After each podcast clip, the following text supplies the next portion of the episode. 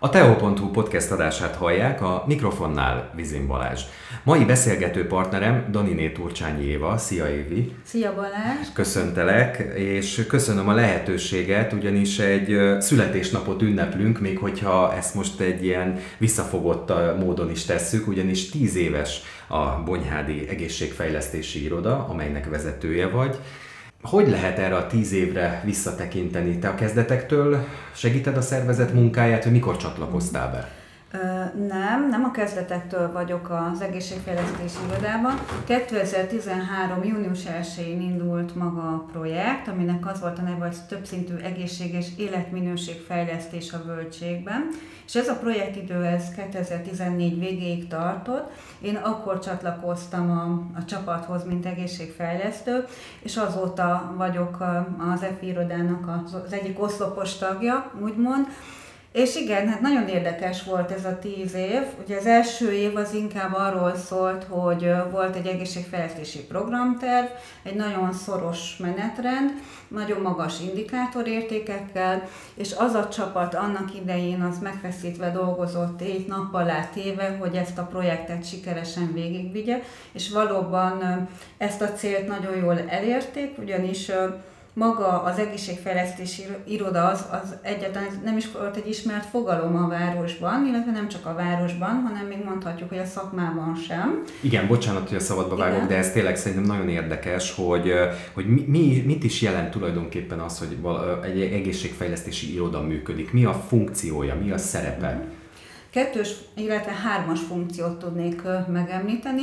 Az egyik az egyéni szintű szolgáltatások, amiket nyújtunk, amikor a lakosságnak szüksége van bármilyen életmódot érintő tanácsadásra, állapotfelmérésre, kockázatbecslésre, akkor eljön hozzánk, mi minden esetben egy, egy nagyon, nagyon alapos kikérdezésnek vetjük alá, úgymond megkérdezzük a felmenőknek, milyen krónikus megbetegedései voltak, rákérdezünk az ő életmódjára, illetve egy testösszetételmérést végzünk, és ez alapján állapítjuk meg, hogy ő milyen rizikóval rendelkezik, és akkor ezek a rizikók összegezve kap egy, egy olyan útmutatót, hogy, hogy miben és hogyan kell változtatnia ahhoz, hogy esetleg a későbbiekben krónikus megbetegedés ne alakuljon ki nála. Tehát tehát gyakorlatilag ti akkor megelőzitek az orvost, tehát hogy mondjuk ha valaki érez tünetet, vagy nem is érez, csak egész egyszerűen tudatosan gondolkodik, és mondjuk szeretné az egészségügyi állapotát felmérni,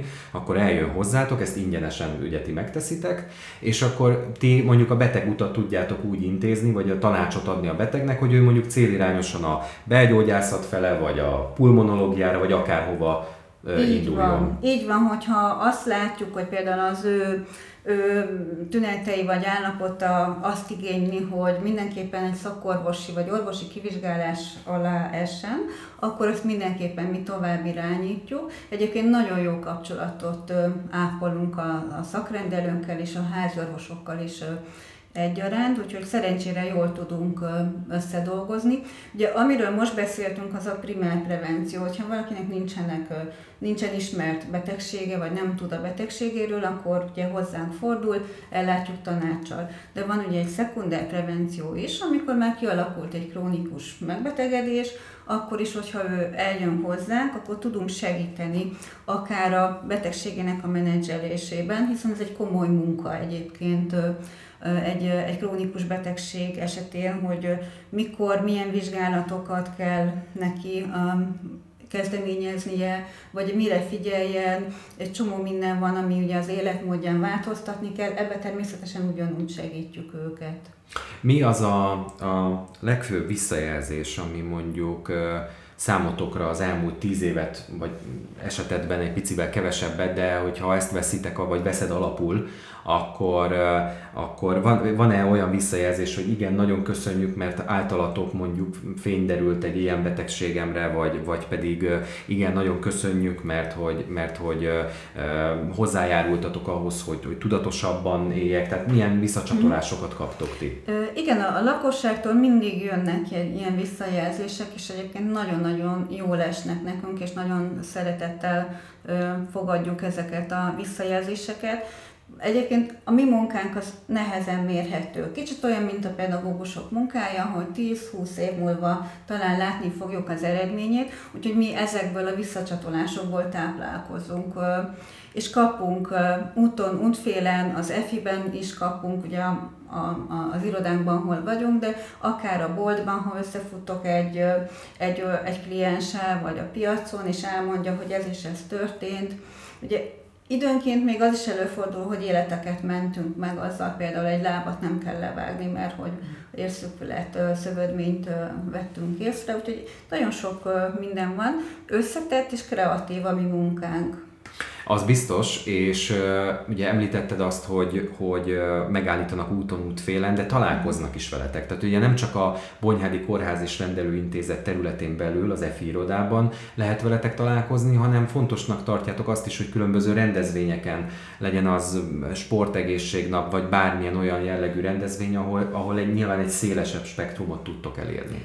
Így van, egyrészt fontos, hogy megismerjék a munkánkat, tudják, hogy mivel foglalkozunk, és hogy meg tudjanak minket keresni, hogyha ha szükségesnek ítélik meg, illetve az egészségfejlesztésben ugye a piciket és a gyermekeket is mindig érdemes megcélozni, hiszen náluk már tényleg érdemes az egészségfejlesztést kezdeni. Úgyhogy például a könyvfesztiválon is most ott leszünk egy egészségfejlesztők vízjátékkal, kimondottan gyerekeknek, de vidékre is nagyon szívesen megyünk. Ugye a mi működési területünk nem is kimondottan Bonyhát, hanem az egész járás, tehát a böltségnek a területe, és amikor rendezvényekre hívnak, egészségnapokra hívnak, akkor természetesen mindig igyekszünk eleget tenni a felkérésnek.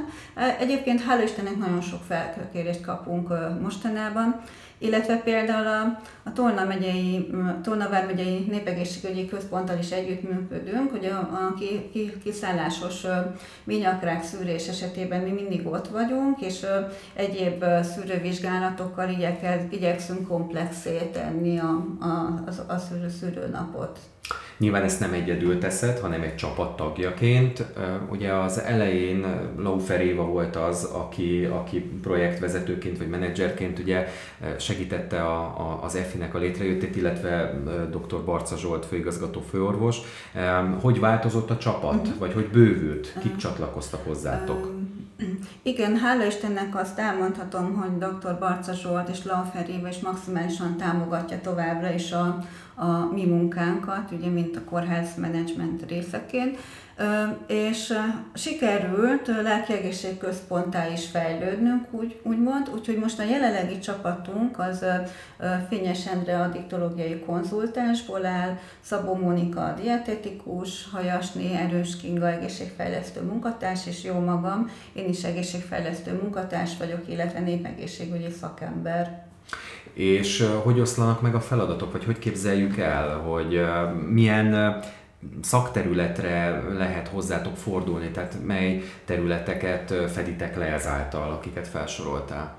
Uh-huh. De csapatmunkában dolgozunk, abban az esetben, hogyha egészségfejlesztő rendezvényről beszélünk, vagy egy olyan programról, ami mondjuk a, nem igényel komplexitást. De ugye mindenkinek megvan maga a szakterülete, például a dietetikai tanácsadást az biztosan a dietetikus fogja végezni, illetve az addiktológiai konzultációt pedig a, az addiktológiai konzultáns. De ezen kívül bármilyen olyan program és rendezvény van, szűrővizsgálatoknak a végzése, vagy előadások tartása, vagy főzőiskola tartása, nagyon sok létű dologgal foglalkozunk, akkor ezt mindig team munkában végezzük. Igen. Nem szeretném, hogyha most itt statisztikákat puffogtatnánk, sokkal inkább gyakorlatias példára vagyok kíváncsi, hogy ugye halljuk úton útfélen a, a médiából, tényleg nyilván az orvosoktól is nem alaptalanul feltételezem, hogy, hogy mennyire vagyunk egészségtudatosak, tehát mennyire foglalkoznak az emberek az egészségükkel, hogyha mondjuk kapnak egy intőjelet, vagy hogyha ti felhívjátok a figyelmet arra, hogy ez valószínű, hogy egy rizikófaktor vagy egy kockázati tényező, mennyire tudjátok végigkísérni, hogy, hogy valóban eljutott akkor először a házi orvoshoz, aztán utána a szakorvoshoz, vagy egy olyan ellátási formához, ami, amit mondjuk az ő egészségügyi állapota megkíván. Uh-huh. Vannak területek, amikben nagyon sikeresek vagyunk. Általában az életmódváltás ilyen, amikor ugye valaki fogyni szeretne, és azért keres meg minket, vagy izomtömeget növelni. Ezekben általában sikeresek vagyunk, illetve étrend átállításban is. Például a dohányzás leszokás támogatás programunk az abszolút nem működik. Ugye mindenki, az összes házi orvos, szakorvos, mindenki tudja, hogy mi ezt végezzük, és a lakosság figyelmét is többször felhívtuk rá, de ez például abszolút sikertelen, tehát egy évben, hogyha pár kliensünk van, aki azt mondja, hogy igen, leszeretne szokni a dohányzásról, akkor az már egy nagy eredmény. Úgyhogy ez sajnos, de ezt elmondhatja az összes többi FI az országban, hogy egész egyszerűen a dohányzás leszokás támogatás programunk nem működik, próbálunk módot találni arra, hogy hogyan lehetne a dohányosokat jobban megszólítani, vagy jobban motiválni abban, hogy leszokjanak a dohányzásról. Szerinted itt mind csúszik el a dolog? Vagy mi az, ami miatt nem jár sikerre ez a program?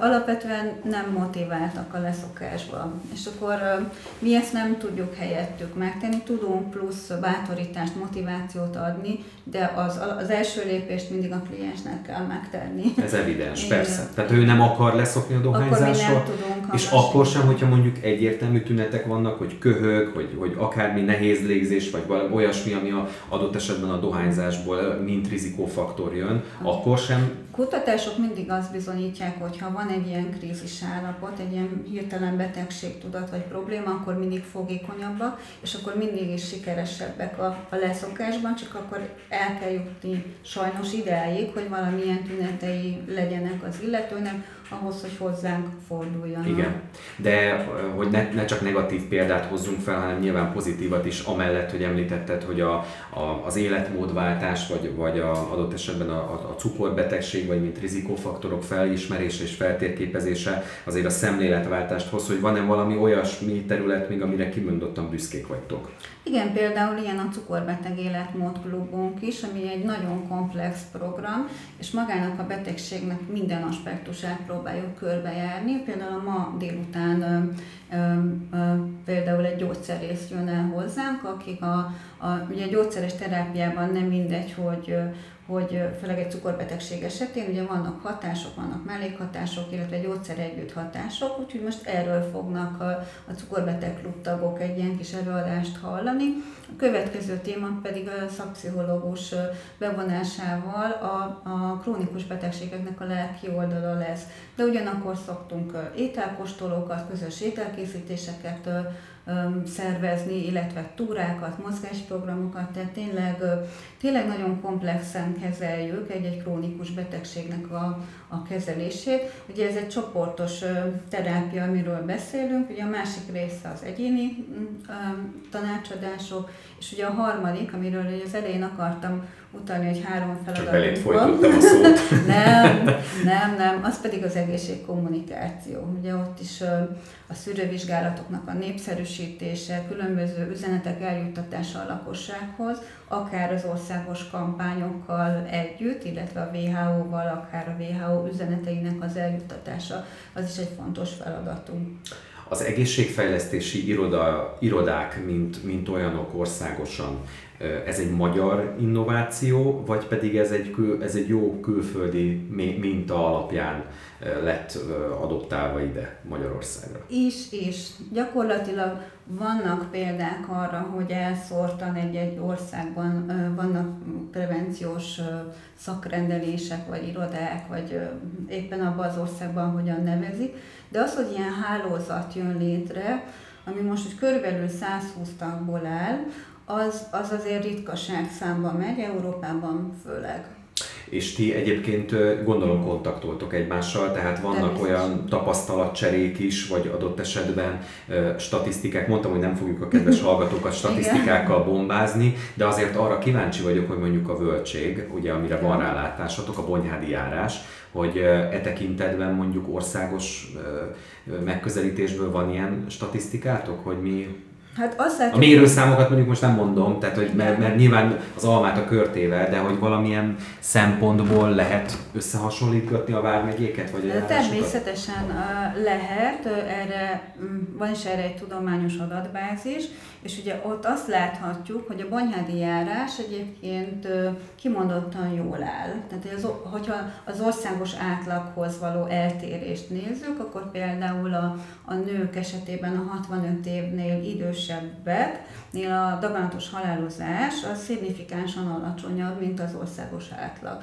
Tehát ez egy igen, igen jó érték, erre úgy gondolom, hogy büszkék lehetünk, de egyébként is szinte minden betegség, illetve halálozási ok tekintetében a bonyhádi járás az vagy az átlagot képviseli, vagy még az átlagosnál kedvezőbb. Úgyhogy igazából azt látom, hogy jól állunk, de természetesen van hova fejlődni, főleg, hogyha azt nézzük meg, hogy az országos átlag az egyébként meg a ugye, európai vagy világszínvonalon a rangsorban azért nem annyira kedvező. Itt van, van, van mit fejlesztedünk, és lesz munkánk, ebben biztos vagyok az elkövetkező években is. Igen, pláne annak tükrében, hogyha mondjuk egy újabb embernek lehet segíteni azáltal, hogy időben felismerjen egy, egy rizikófaktort, vagy adott esetben egy betegséget, és minél előbb elkezdődhessen a terápiás kezelés, akkor az egyértelmű, hogy az előre visz benneteket, mint, mint kitűzendő célt.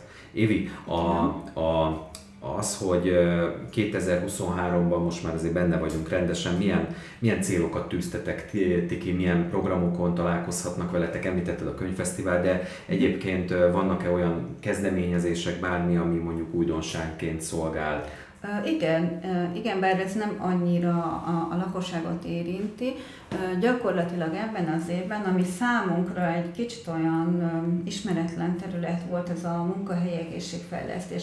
Sokszor szerettünk volna már eljutni cégekhez, de valahogy így nem sikerült ezt létrehozni, és most meg azt látjuk, hogy folyamatosan felkérést kapunk a munkáltatóktól, köztük a Tolna Vármegyei Kormányhivataltól is, hogy vegyünk aktívan részt munkahelyi egészségnapokon, különböző szűrővizsgálatokkal, és én ezt nagyon örvendetesnek tartom, ugyanis amit nehezen tudunk elérni, az mindig az aktív korú lakosság, akik dolgoznak. Ugye 8 órát eltöltenek a munkahelyükön, utána a gyerekért szaladnak iskolába, óvodába, tehát mindenre van idő, csak az egészségfejlesztésre nem, vagy adott esetben a szűrővizsgálaton való részvételre nem.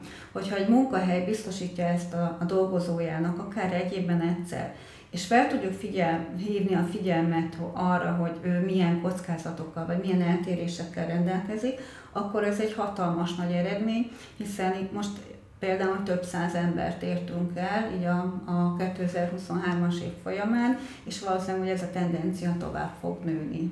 Ez egy nagyon jó kezdeményezés, és, és tényleg, amit ahogy fogalmaztál is, tehát ugye az aktív lakosságot nagyon nehéz elérni és megszólítani, és pláne arra ösztönözni, hogy ő jöjjön be hozzátok Igen. mondjuk az EFI irodába. Tehát, hogyha mondjuk vannak még ilyen cégek, bárki, akkor még szívesen fogadjátok a jelentkezésüket? Hogy...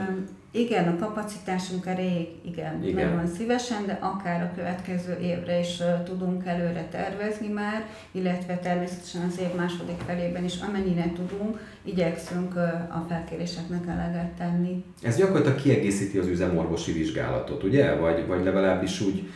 Um, igen, igen, ugye az üzem, üzemorvosi vizsgálat az, az, az kifejezetten a munkakörhöz kapcsolódó, a betöltött munkakörhöz kapcsolódó, mi viszont a mi, a mi állapotfelmérésünkkel, meg szűrővizsgálatainkkal inkább ugye az általános kockázatokra uh, tudjuk felhívni a figyelmet, illetve hogyha ha valami eltérést találunk, akkor akár tovább uh, irányítani uh, orvoshoz.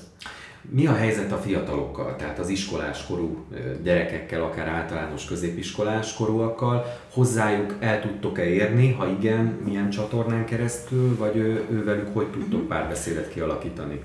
Hát a fiatalkorúak esetében ott, ott kimondottan a szabadidős programokra tudunk mi rákapcsolódni és segíteni őket, vagy az iskolán kívüli elfoglaltságokra, illetve együttműködve a, a járási könyvtárakkal mm, és egyéb olyan helyekkel, ahol az ifjúság jelen van, akár, akár nyári táborokban, ott tudjuk magát az egészségfejlesztési szemléletet egy picit úgy be, beiktatni, és ott tudjuk a fiatalokat elérni. Ők egyébként mennyire nyitottak erre, és mennyire tudatosak az egészségüket illetően?